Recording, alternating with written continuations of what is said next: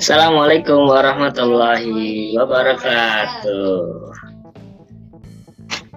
Halo guys, apa kabar nih? Gimana kuliahnya? Udah mau deket UAS? Semoga lancar ya kuliahnya ya. Oh ya nih, kenalin aku Rifatian Anafibanullah dan temanku. Selamat ya Sekar Ayu. Hari ini kami akan menemani kalian dengan konten yang sangat menarik nih, yaitu Koin Liku, konten inspirasi literasiku, yang merupakan konten dari WOW, Window of Work, dari divisi apresiasi dan literasi BMKM MIPA. Ngomong-ngomong, koin detikku ini udah sampai di episode terakhir yaitu kelima nih. Wah, nggak kerasa ya Rahma udah kita udah di penghujung episode dari Koin Liku nih. Nah ngomong-ngomong Koin Liku kali ini kita akan membahas tentang literasi digital nih Rahma. Jadi narasumber kita yang akan membahas, yang akan mengulas tuntas tentang apa sih literasi digital itu. Tentunya narasumber kita sangat-sangat hebat nih, Rahma. Waduh, di era yang hampir semuanya sudah berkembang dipenuhi oleh teknologi digital, dunia literasi juga tidak mau kalah nih, juga berkembang menuju literasi digital. Wah, keren banget ya. Sekarang di dunia serba digital, literasi pun berubah menjadi literasi digital tuh. Oh ya ngomong-ngomong nih, sebenarnya apa sih Rahma literasi digital itu sendiri? Hmm, sepemahaman aku ya, menurut buku yang aku baca nih, Ra. Jadi menurut buku Kerangka Literasi Digital Indonesia, yang dimaksud dengan literasi digital adalah kemampuan menggunakan TIK untuk menemukan, mengevaluasi, memanfaatkan, membuat, dan mengkomunikasikan informasi dengan kecakapan kognitif dan teknikal. Itu aja. Wah. Wah, berarti literasi digital tuh memadukan antara literasi dengan teknologi itu sendiri ya.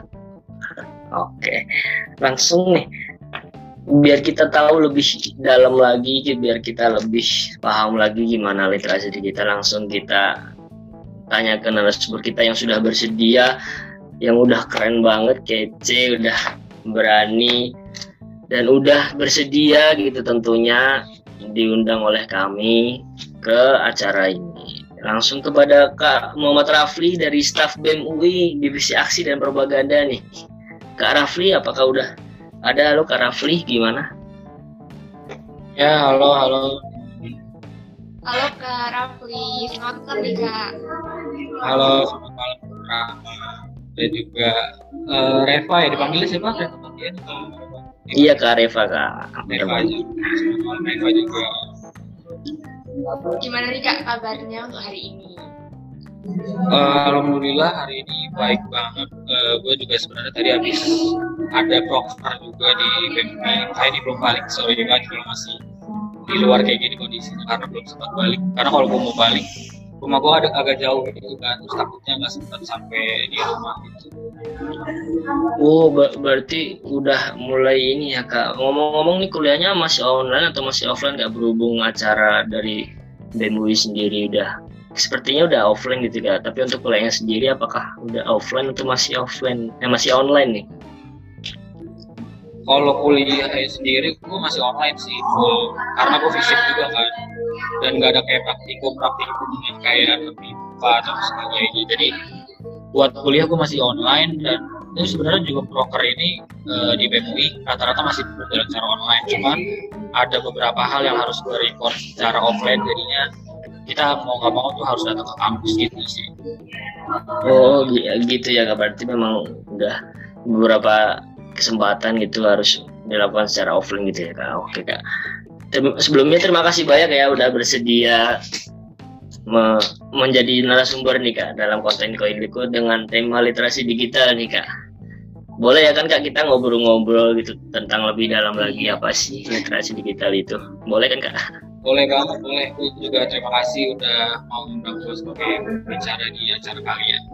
Boleh kita ngobrol-ngobrol biasa aja ya. Oke, nah kak. Uh, pertama nih kak, uh, mau tanya nih tentang dampak literasi digital di masa pandemi nih kak. Kan udah berjalan sekitar dua tahun lebih nih kak ya. pandemi dan uh, kita sudah mulai menggalakkan literasi digital. Nah, menurut kakak tuh dampak literasi digital di masa pandemi ini apa ya kak? Uh, iya, pertama-tama mungkin uh, mengelaborasi itu digital literasi. Sebenarnya tadi udah disebutin juga sama Rahma uh, apa itu digital literasi. Jadi digital literasi itu kan mungkin kalau misalnya secara harfiah uh, literatur digital. Mungkin orang tuh menganggapnya uh, hanya sebuah kemampuan membaca informasi di media digital kan. Tapi sebenarnya itu digital literasi itu beyond that gitu di luar itu yaitu selain membaca uh, kita juga tuh harus mempunyai kemampuan untuk mencari, mengidentifikasi, mengevaluasi dan juga mendapatkan informasi uh, yang kita dapati. Jadi itu selama pandemi ini menurut gua informasi itu jalan sangat masif sih. Semua informasi itu bisa kita dapetin. Jadi informasi apalagi uh, tentang covid kemarin ya kan kita bisa dapat banyak banget tuh informasi-informasi tentang covid lah.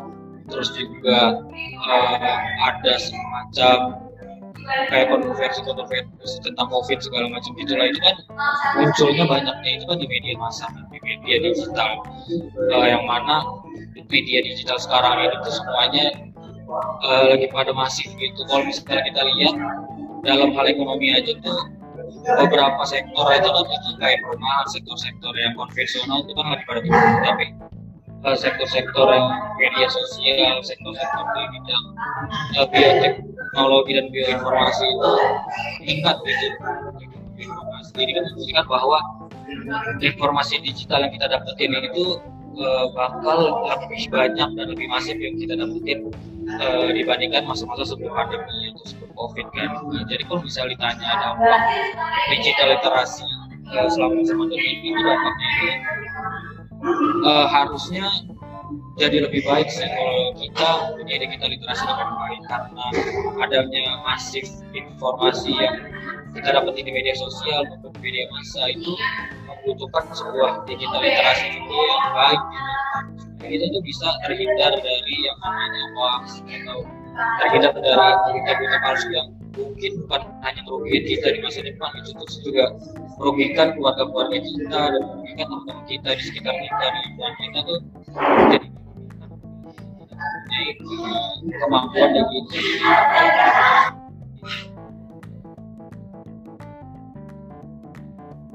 Oh gitu ya kak. Jadi literasi di kita itu nggak cuma sebatas kayak kita membaca atau kita memahami, tapi juga mengeksplorasinya, terutama di masa pandemi ini ya kak.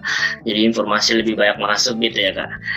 Oh ya ngomong-ngomong kak, untuk penyebaran literasi digital sendiri itu kan ada ya nggak mungkin uh, beberapa sosial media pasti ada yang berbuat negatif gitu atau mungkin penyalahgunaan itu seberapa besar sih ke kemungkinan dari literasi digital itu sendiri kan penyampaian informasi, pengumpulan informasi lalu disebarkan melalui media-media gitu. Seberapa mungkin atau seberapa banyakkah menurut kakak itu tentang hoax-hoax atau tentang berita-berita informasi yang diselewengkan oleh beberapa oknum gitu?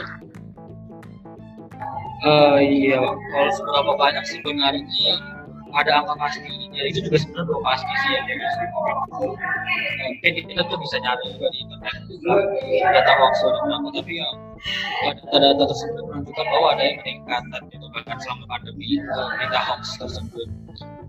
Uh, ini sebenarnya membuktikan bahwa uh, zaman sekarang itu digital literasi itu sangat dibutuhkan gitu. Uh, terlebih setelah banyaknya kasus-kasus hoax yang uh, kita dapetin dan bahkan orang-orang terdekat kita tuh juga dapetin gitu eh, berita-berita hoax. Uh, kalau misalnya kita bisa sadarin ya beberapa tahun yang lalu kayak sebelum uh, handphone itu masuk secara masif handphone kan dulu kan harganya itu masih mahal-mahal kan dan hanya bisa dimiliki oleh kalangan tertentu uh, pada saat itu tuh uh, tingkat berita hoax itu juga kalau kita bisa sadari itu agak uh, kurang banyak juga kan. Tetapi kemudian yang gue sadarin sih setelah banyaknya uh, handphone handphone murah yang mulai masuk ke Indonesia itu tuh handphone tuh jadi barang yang bisa dimiliki oleh seluruh masyarakat di Indonesia. Tetapi kemudian digital literasinya ini tuh belum sampai ke tingkat uh, rendah gitu belum termasuk ke tingkat-tingkat daerah ataupun ya mungkin kalau misalnya kita di tingkat universitas gitu sebagai mahasiswa kita mungkin dapat kan digital literasi. Kita bisa gitu mencerna segala informasi yang masuk tuh nggak asal uh, kita percaya. Tapi kemudian kan kalau misalnya kita lihat teman-teman kita lain yang kan uh, yang nggak mendapatkan privilege yang sama tentang pendidikan itu kan mereka jadi lebih mudah percaya terhadap hoax gitu kan. Dan ujung-ujungnya itu meningkatkan uh, hoax terutama pada masa pandemi gini di mana orang-orang pada punya handphone semua orang bisa mendapatkan internet tetapi kemudian digital literasinya tuh dari pemerintah kurang dan itu uh, membuat adanya peningkatan yang signifikan sih uh, terhadap jumlah berita hoax yang hadir di Indonesia terutama saat pandemi.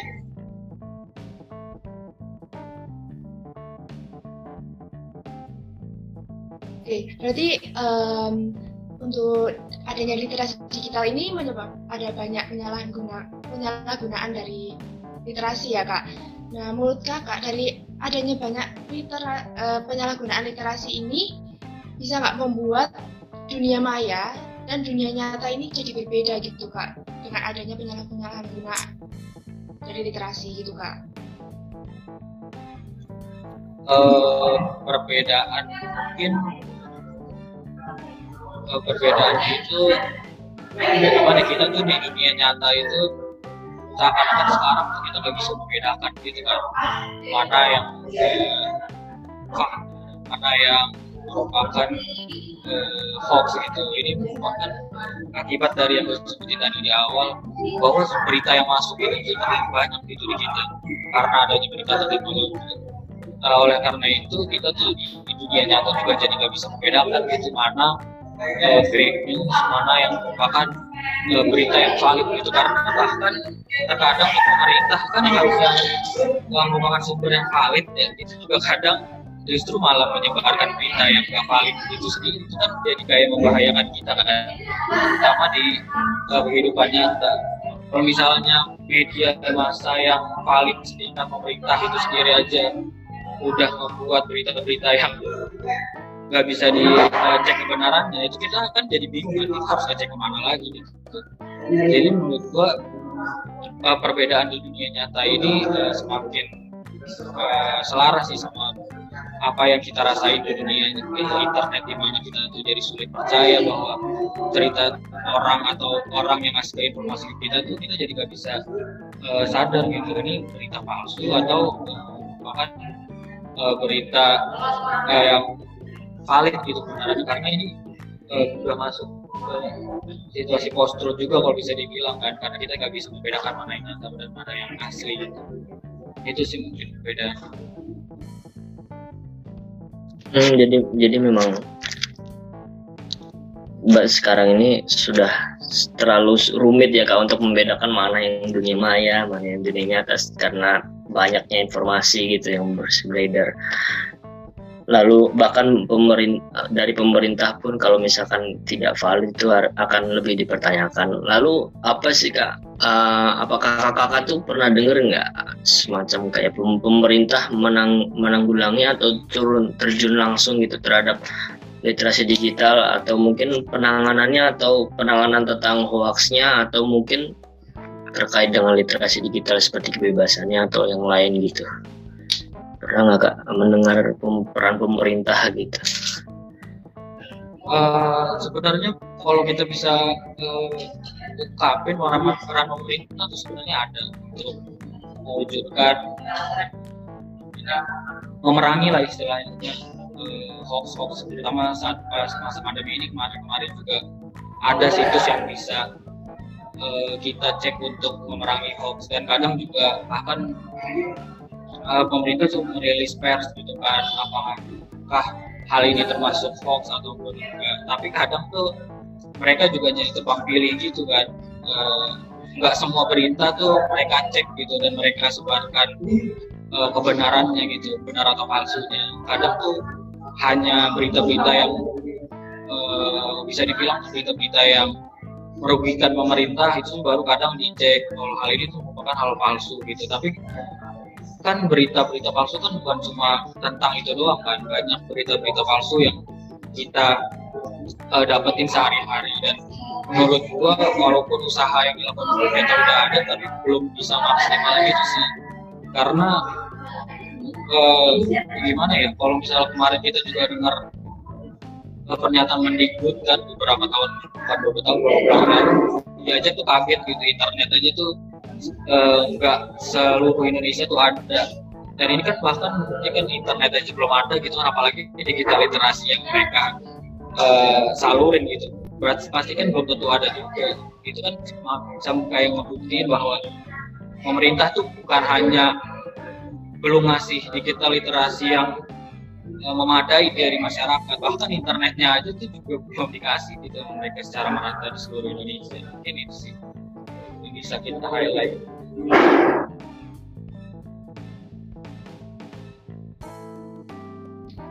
Um, jadi menurut kakak nih, udah ada ya peran dari pemerintah yang untuk literasi digital sendiri ya kak. Uh, kita sering lihat nih kak, ada pembatasan-pembatasan kita bisa berpendapat nih kak di internet. Uh, menurut kakak sendiri itu apa aja sih pak? Pembatasan-pembatasan yang dilakukan oleh pemerintah sehingga kita tidak bisa berpendapat dengan bebas gitu kak. Uh, pembatasan pembatasannya sih uh, ini yang gue alami secara langsung juga kan di PMUI juga. Karena uh, sebenarnya juga sempat ramai postingan tentang lip service itu. Pembatasan pembatasan sebenarnya kita tuh jadi lebih takut sih karena ada ITE juga kan. Dan di dalamnya itu terdapat kayak pencemaran nama baik. Yang mana itu uh, sangat subjektif kan masalah tersebut. Dan itu tuh membuat kita tuh seakan-akan dibatasi gitu uh, kebebasan berekspresi ini. Dan menurut gua hal tersebut tuh gimana ya sangat membatasi kita terutama anak-anak sospol gitu yang di lingkungan BM gitu-gitu. Itu kan emang kerjaan sehari-harinya buat buat kajian dan buat uh, bersuara gitu kan di media media media sosial. Uh, dan dengan adanya pembatasan tersebut itu semakin menyulitkan kita gitu sih uh, terutama anak-anak di setiap BEM lah setiap BEM di universitas itu pasti bakal jadi sulit gitu buat uh, menyampaikan informasi dan menyampaikan aspirasi dari masyarakat dan hal tersebut sih emang yang sangat berasa di kita. Kayak gitu sih sebagai mahasiswa yang harusnya itu menjadi suara lantang ke menyambung lidah masyarakat gitu kan. Tetapi karena ada pembatasan-pembatasan gitu kita juga jadi justru jadi ditahan itu itu ini gitu sih kita rasakan selama ini. Oke kak jadi kalau itu kan kayak pembatasan-pembatasan gitu kak. Pernah nggak sih kak dari mungkin dari pemerintah sendiri tentang membahas ngobrol bareng nongki bareng sama staff. Kan staff BMUI kan terhitungnya dekat ya kak sama pemerintahan gitu. Jadi pernah nggak sih kayak diajak ngobrol terkait literasi digital atau yang lain membahas isu-isu yang tadi kak? Itu pernah nggak sih kak?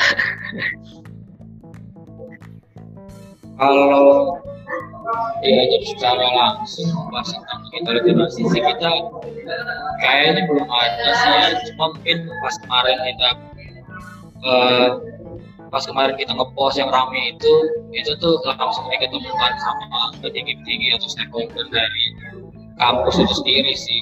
Jadi kita di, di pertemukan gitu kayak ditanya-tanyain kenapa kita mengeluarkan propaganda tersebut? Tapi kalau misalnya dari pemerintah itu sendiri sih kayaknya ya pengetahuan gue itu tuh kita nggak ada uh, upaya untuk ngobrol bareng ataupun gimana membahas tentang digital literasi saat ini.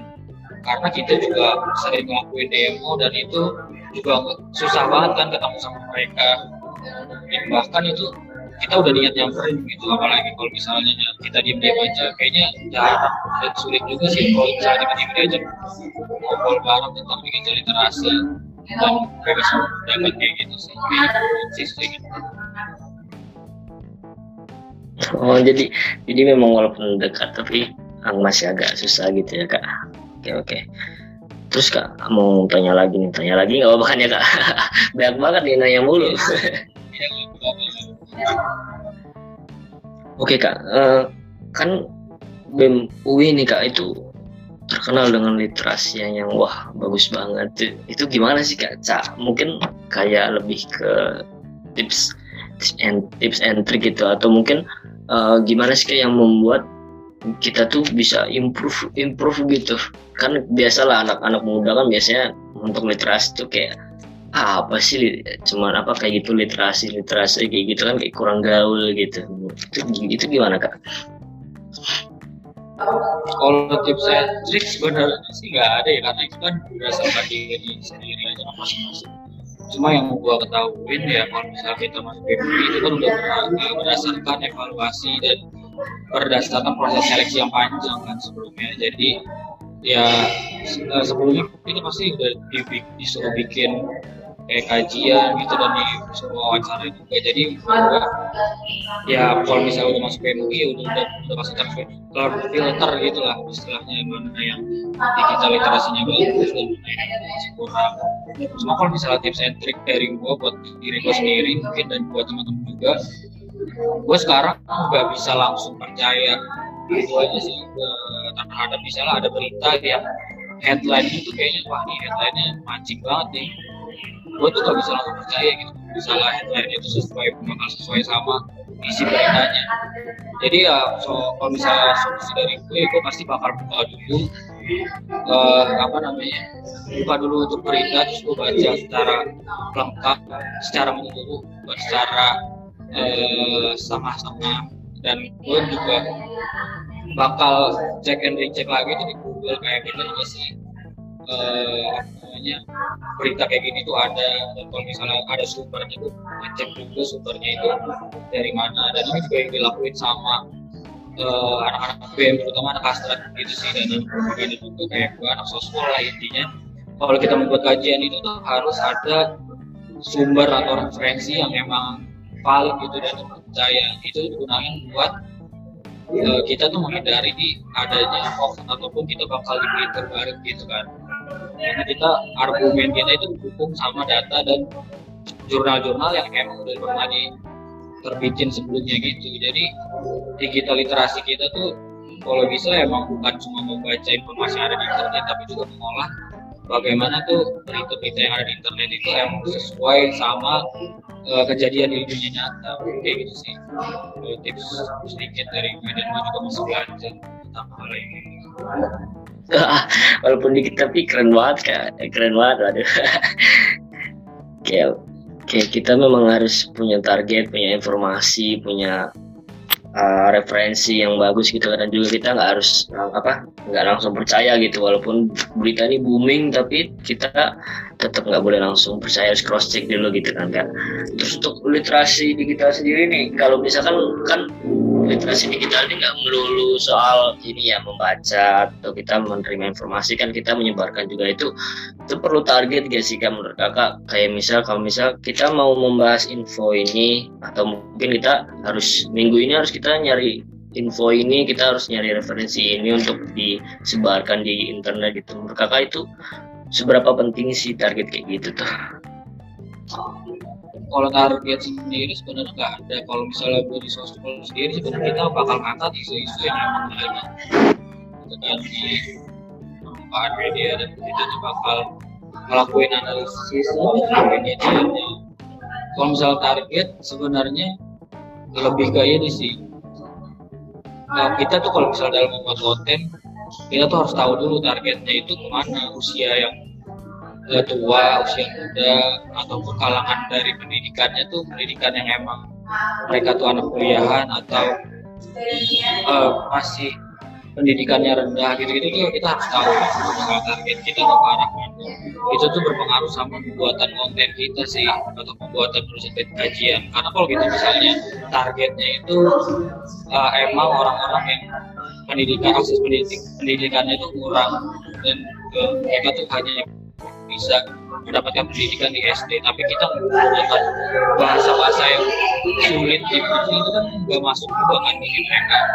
Nah, makanya itu uh, target-target tersebut uh, gua rasa cukup penting buat kita dalam proses pembuatan konten atau penulisan kajian sih. Kalau misalnya target kita emang yang high education atau orang-orang kayak di universitas gitu yang udah emang punya pendidikan itu mungkin bisa di uh, sedikit di apa ya disesuaikan lagi penggunaan bahasanya yang emang bisa agak berat bahasanya tetapi kalau misalnya kita menggunakan uh, target pembaca itu yang emang dari kalangan yang ini akses pendidikan yang kurang kita harus menyesuaikan dan membuat uh, kajian yang bagaimana caranya itu bisa dibaca dan mengerti secara mudah oleh mereka gitu sih. Berarti berarti memang um, balik lagi ke tujuan kita awalnya dan harus sesuai dengan apa informasinya kak. Kalau boleh tahu boleh spill gak sih kak kayak konten literasi digital yang pernah kakak buat atau divisi kakak buat di UI gitu? Gimana sih contoh? Atau mungkin gambarannya aja kak gimana sih bisa di spill kalau gua kan kalau gua kan diaksikan propaganda ya. Kalau diaksikan propaganda ini tuh agak beda sebenarnya dari kastrat. Atau strategis di mana kajian strategis itu mengkaji isu secara mendalam. Kayak misalnya ada suatu kasus kemarin tentang eh, contoh lah Permendikbud. Oh, yang kemarin tentang Juliari Batubara gitu-gitu. Itu tuh kalau misalnya anak asmat dia bakal nyari tuh kayak eh, poin-poin yang memang seharusnya nggak disepakati kayak bisa hukuman terhadap Juliari itu diperingan. Nah, e, contohnya diperingan karena hal-hal yang menurut kita tuh wajar kayak dia tuh merasa dibully sehingga mendapatkan uh, pantas mendapatkan keringanan itu tuh anak kastrat itu uh, dia ngasih data-data gitu. Emang benar nggak sih? Pasal berapa hukum apa gitu-gitu tuh anak kastrat lah yang ngelakuin kalau gua dari propaganda itu membuat apa yang dilakukan oleh kasrat itu jadi lebih besar gitu istilahnya kita tuh sering nyebut kita tuh sebagai minyak gitu. E, apinya itu dari kastrat api awalnya tapi kita tuh jadi minyak yang membuat e, api itu jadi makin gede gitu. Makanya tugas kita dari propaganda itu membuat poster-poster yang bisa dibilang agak agak dibuat agak nyetil gitu lah biar orang-orang tuh bisa uh, bisa apa ya bisa tertarik dan makin tertarik lagi buat membaca. Jadi kita tuh menerjemahkan apa yang dikasih lakuin kan kalau dikasih itu kan kita panjang gitu kan kajiannya. Dan kita tuh berusaha buat kajian itu dari bentuk infografis maupun bentuk poster-poster yang emang bikin uh, pemerintah itu kena gitu. Istilah ini makin panas gitu. Dan orang-orang tuh jadi makin ramai makanya kenapa kemarin lip service keluar itu juga jadi ramai karena kita uh, kajiannya nggak ada dibikin oleh astra. Itu kan kalau misal dalam bentuk tulisan aja kayaknya orang Indonesia itu kan memang sepanjang gitu sepanjang ya kemudian uh, ya, dari aksi dan propaganda itu membuat poster yang emang tidak bisa bikin rame gitu. Ya terbukti emang rame dari posternya itu. Mungkin kayak gitu sih cuma salah satu contohnya. Berarti nggak nggak melulu soal kayak tulisan terus emang harus kayak ibaratnya nyeleneh gitu kan biar orang tuh tertarik orang Indonesia yang awam yang bahkan ibarat kata yang belum tertarik dengan literasi pun langsung tergoyah, langsung geser, langsung wih apa ini gitu ya kak. Itu iya. itu memang fenomenal banget ya kayak waktu lip service itu ya kak. Iya itu sebenarnya kan awalnya pas di muncul di kasur mungkin belum terlalu uh, rame dan banyak orang belum bisa baca gitu kan. Tapi setelah dilempar terutama di Twitter sih mungkin orang tuh ke trigger gitu kan sama posternya yang dipasangin mahkota lah ke baju itu kan membuat orang trigger kan apa nih? Dan akhirnya jadi rame gitu. Nah itu sebenarnya tugas dari propaganda sih buat uh, yang tadi gue bilang semakin membesarkan api dan menjadi minyak kayak gitu sih. Oh gitu Oke oke kak. Oh iya sebelumnya itu maaf temen temenku kayaknya sinyalnya agak susah kak harus susah. Oke. Lanjut ya kak, aku tanya-tanya lagi nggak apa-apa kan boleh lah. Oke, Oke kak ini tanya lagi nih kak literasi digi- digital bagi mahasiswa ini kan masih ya, ibarat kata masih minim gitu kan perlu pemantik pemantik gitu kayak misalkan kita bikin konten yang tidak monoton atau bikin konten yang agak nyeleneh nyeleneh gitu se- sebagai daya tarik gitu kak. Itu menurut kakak gimana sih eh, biar khusus apa cara biar mahasiswa tuh lebih tertarik lagi gitu?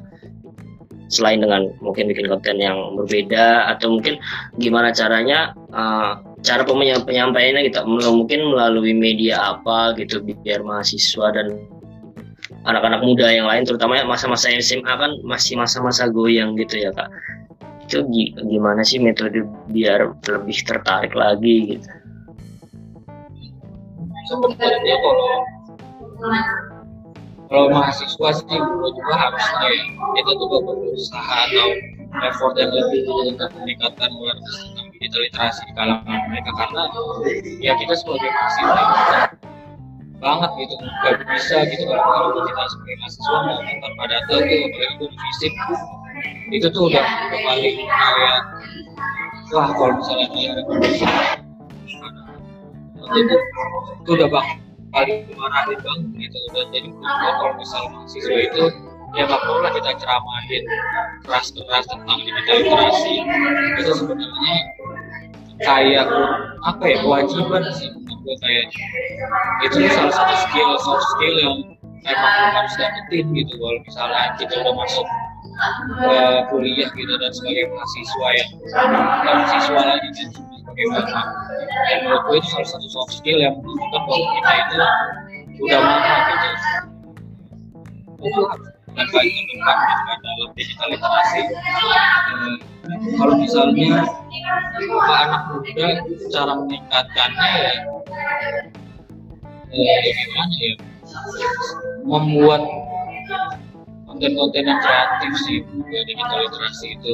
Kayak sekarang udah banyak kayak narasi TV, asumsi itu kan menurut gua salah satu portal berita yang bisa gue bilang dan juga Tirto gitu itu kan Tirto dan Tempo itu mereka tuh digital digital data itu bisa dibilang kanal-kanal berita yang mereka tuh berusaha untuk sedang meningkatkan digital literasi di masyarakat gitu kan di kalangan masyarakat di setiap kalangan masyarakat dengan konten-konten edukatif yang juga kreatif mungkin sih di, Indonesia. Karena jujur aja mungkin kalau kita hanya bisa berharap sama pemerintah kayaknya nggak bakal bisa sih kalau kita berharap pada pemerintah buat langsung dan menggalakkan kita literasi. Karena ya sepanjang kita hidup ya mungkin bisa melihat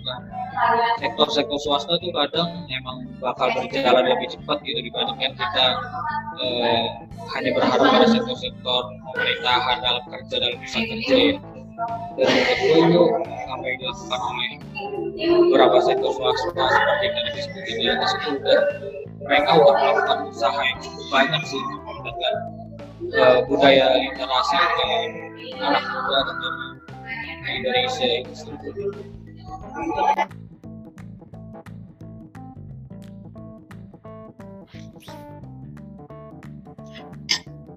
Oke oke oke oke.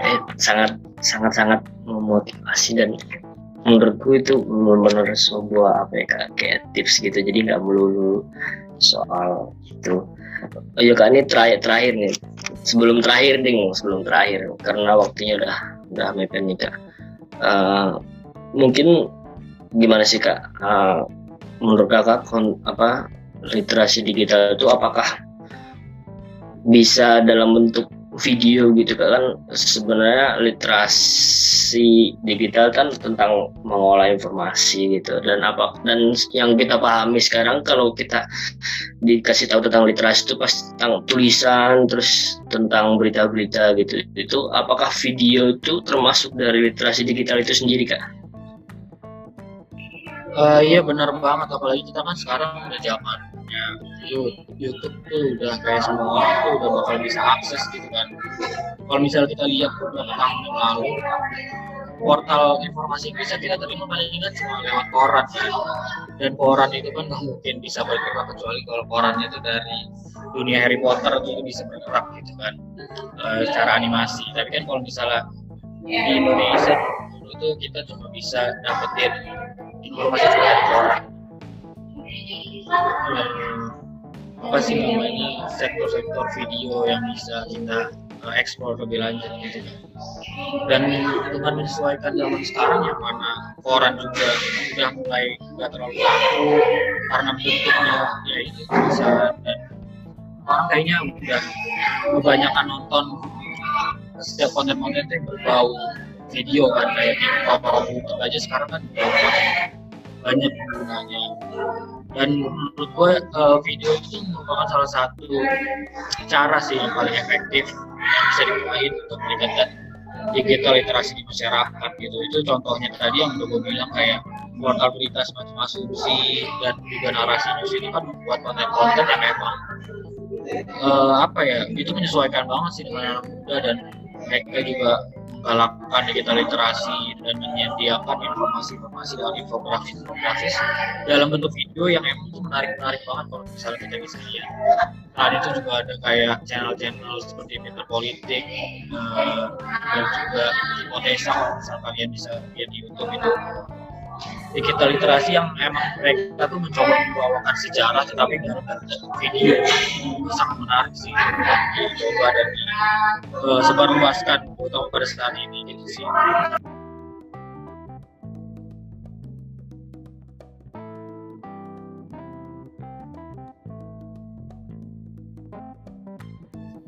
Oke kak, oke.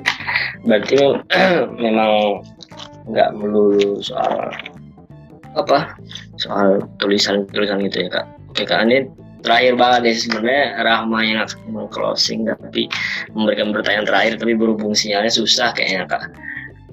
Terakhir ini kak mungkin dari Kak Rafli ini kak closing statement gitu atau lebih ya lebih tepatnya gimana sih pesan untuk pengaplikasian literasi digital buat kita kita sebagai mahasiswa gitu khususnya sebagai anak-anak muda generasi sekarang yang nggak bisa lepas dari namanya teknologi gitu biar jadi kita lebih melek tentang literasi digital itu sendiri. Itu gimana kak? Silahkan. Iya uh, sebenarnya apa juga masih banyak digital literasi sih. Jadi mungkin cuma uh, mengingatkan terutama buat diri gue sendiri sih. Misalnya sebagai mahasiswa kan kita kan bisa dibilang garda terdepan gitu dalam menyampaikan informasi yang valid dan aktual gitu ya. Kalau saran gue terhadap mahasiswa mungkin kita bisa menyebarkan berita yang sebanyak-banyaknya. Uh, tapi dengan syarat kita harus cross check dulu apakah berita tersebut tuh emang benar dan emang ternyata kejadiannya gitu. Karena yang kejadian sekarang itu kan WA WA contohnya aja WA keluarga itu kan dipenuhi sama berita-berita yang nggak bisa dipastikan kejadian kebenarannya. Itu juga eh, kita tuh sebagai masyarakat sebagai masyarakat sebagai mahasiswa itu kebanyakan kan kayak diem udah lah gitu. Ada yang udah udah aja. Tapi seharusnya kita tuh jadi uh, salah satu pionir gitu buat salah satu pionir yang bisa memerangi segala hoax itu dengan kita gitu yang menjadi sumber informasi bagi mereka gitu sih. Jadi